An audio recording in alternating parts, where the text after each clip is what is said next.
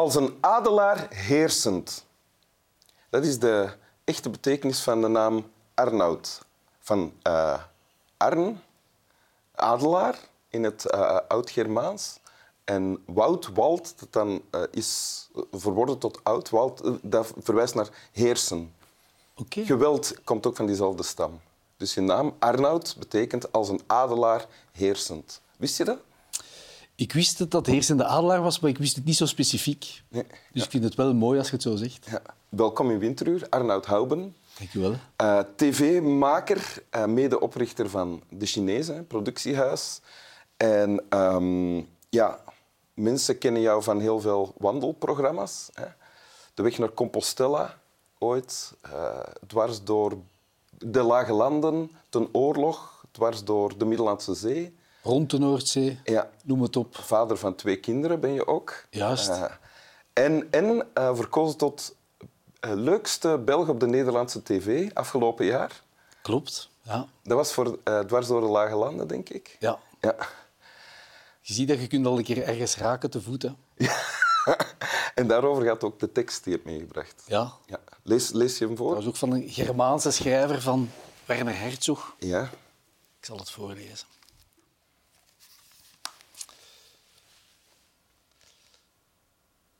Een enkele alles overheersende gedachte. Weg van hier. De mensen maken me bang. Lotte Eisner mag niet sterven.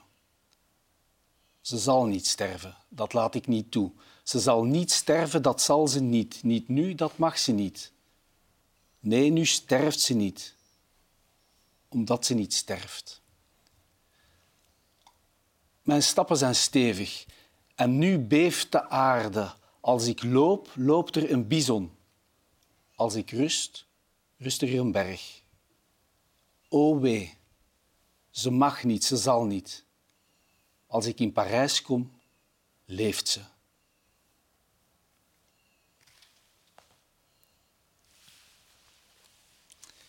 Ik dacht dat je nog verder zou lezen, want er staat nog meer daar. Uh...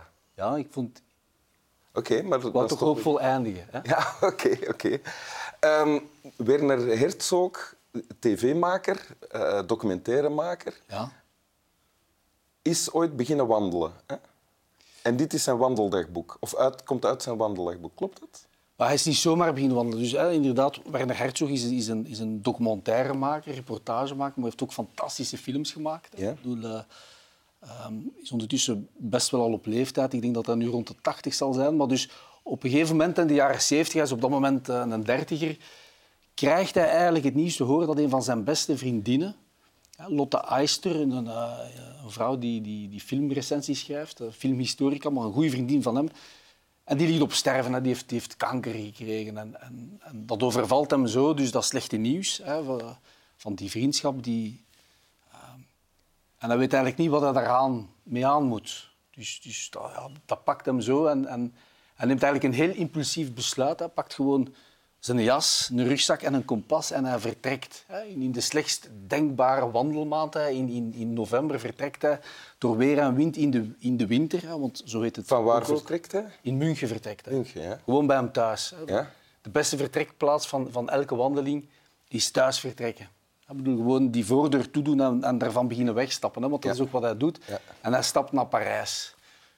Dat is geen hele mooie wandelroute. hè. Dat is niet de weg naar Compostela of, Nee. of de- ergens een mooie idyllische GR-weg hè, langs een kabbelend beekje of langs de lessen. Nee, dat is gewoon een, een keiharde lijn eh, weg van hier naar Parijs. Een soort bezwerende tocht van het mag niet, het zal niet. Hè, zo zegt hij het. Hè. Dus die, die, zolang dat ik zal stappen, maakt dat- hij zichzelf wijs en gaat zij niet sterven. Dus het is niet een wandeling gaan doen. Het is bijna een soort bezwerend ritueel dat hij uitvoert eh, dat groter is dan hemzelf. Ja. En in het stukje tekst dat je hebt gelezen zit ook het, het, de cadans bijna van het stappen. Hè? ja. Bijna gelijk, gelijk een boeddhistische monnik s ochtends zijn, zijn mantra opzegt of gelijk een oude vrouw ergens in een kerk eh, haar paternoster afbiedt hè, van kraaltje naar kraaltje.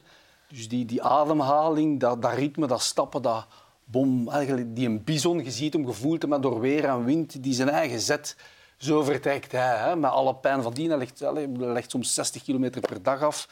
60 kilometer per dag? Soms, ja. bedoel, hij gaat er bijna aan kapot, hij gaat er onderdoor, hij wordt bijna delirisch in zijn gedachten. En, en, ja, want, want die tekst nu, die, een beetje de inzet van het boek, maar het boek zelf, dit is hier trouwens ingeleid door, door Tommy Wierma, die beschrijft het als een, als een schilderij van, van modder en sneeuw. Het, het zijn gedachten die door zijn kop flitsen, dingen die hij ziet, die hij opmerkt. de caféganger, uh, verbrande tijdschriften die ergens in een veld liggen, raven die wel liggen te, te vechten onder elkaar. Weet je, al die impressies en impulsen, dat hij allemaal hoe zeg je, opneemt terwijl hij stapt, verwerkt hij in een boek. Een heel associatief boek. En iets, iets in jou herkent dit dan, denk ik, dat je dit gekozen hebt. Veel stapboeken zijn praktische boeken hè, die zeggen van vergeet je tandenborstel niet en pak niet te veel mee en je moet van daar naar daar stappen en aan het kerkje naar links. Hè.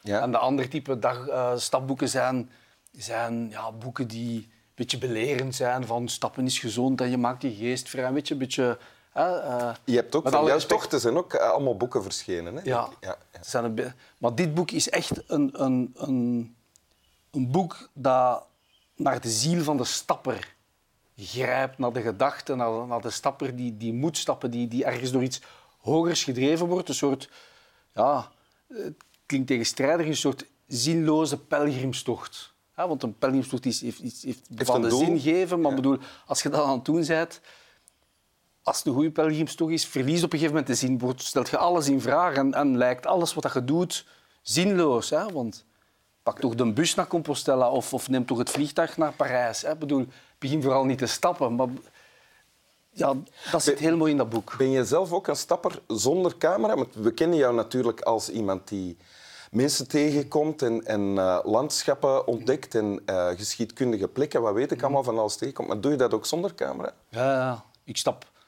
ja, elke week, bij wijze van spreken, ik, ik doe van onderhoudswandeling, hè, dat ik... ik ja, onderhoudswandeling? Ja, zo in, in het weekend stap ik elke keer wel minstens één keer 11 kilometer. Ik heb zo één tour in Brussel dat ik doe, dat ik noem het de lelijkste wandeling van Brussel. Een stukje langs de ring en, en langs zeg, de drukke avenues. Maar dat is een soort gewone onderhoudskadanswandeling dat ik doe, gewoon om het systeem hoe zeg je, lopend te houden. Ja. ja. Want dan ben ik ook verzonken in gedachten of weg met een podcast of dan luister ik naar, naar, een, naar een plaat. En dat is een lelijke wandeling? Zeg. Dat is een, een prikkelarme wandeling, doen we dat. Maar ik, voor de rest ga ik ook heel veel op tocht. Hè. Ik bedoel, maak ik ook gewone tochten. En, maar, en wat is het effect dan van die wandeling? Waarom, waarom eh, moet je dat doen? Of waarom doe je dat? Maar gewoon, ja, voor een stuk vind ik wandelen een heel mooie manier om de wereld te verkennen. Dat is één aspect van het wandelen. Maar bedoel, wandelen heeft ook heel hard voor mij te maken met cadans, met ademhaling, met dat beweging van dat lichaam, ik vind dat natuurlijker dan joggen. Bij, bij joggen ben ik na een kwartier ben ik een 40-jarige man die zich in een lelijke jogging probeert in conditie te houden en die rood door dat park loopt en dat eigenlijk niet kan. Ja. Terwijl stappen, dat kan, dat kan iedereen. Ja, want dat, dat heb je je eigen ritme en, en je eigen ademhaling en je eigen gedachten. En dat klopt gewoon heel hard. Ja. En, het, ziet er, en het ziet er niet onnozel uit. Als je... Kom je dan anders thuis na die wandeling van 11 kilometer dan dat je vertrokken bent? Eigenlijk, eigenlijk niet. Eigenlijk niet? Ja, content wel. Kom graag content thuis. Oké. Okay. je, doe je die alleen, die wandelingen? Ja, ja, die doe ik echt. Ja. Als er iemand zegt van mag ik mee, mag je die dan mee? Of zeg je van ja, nee, liever... Dan, dan, gaan we een andere wandeling doen. Dan gaan we niet de lelijkste wandeling van Brussel doen. Dan ah, gaan we misschien dat zo nu Dan gaan we misschien wel een mooie wandeling doen. Ja. Ja. Maar niet alles moet wandelen moet, al ja, is voor een stukje escapistisch, mag wel door mooie weilanden en door mooie landschappen gaan en mag heel ontdekkend zijn, maar wandelen kan ook gewoon bruut en hard en langs parkings en achterafwegen zijn en, en weet je, ja. Uh, niks moet eigenlijk. Ja. Wil je het nog eens lezen? Ja. Trouwens, de vrouw heeft het overleefd. Is het waar? Ja. Ah, ik dacht daarnet, ik vraag het iemand, het is waarschijnlijk toch slecht afgelopen. Nee. Maar dus het heeft gewerkt, zijn uh, tocht? Maar het is niet bewezen dat het gewerkt heeft, maar het is ook niet bewezen dat het niet gewerkt heeft. Eén enkele, alles overheersende gedachte. Weg van hier. De mensen maken me bang. Lotte Eister mag niet sterven. Ze zal niet sterven, dat laat ik niet toe. Ze zal niet sterven, dat zal ze niet. Niet nu, dat mag ze niet. Nee, nu sterft ze niet, omdat ze niet sterft. Mijn stappen zijn stevig en nu beeft de aarde. Als ik loop, loopt er een bison, als ik rust, rust er een berg.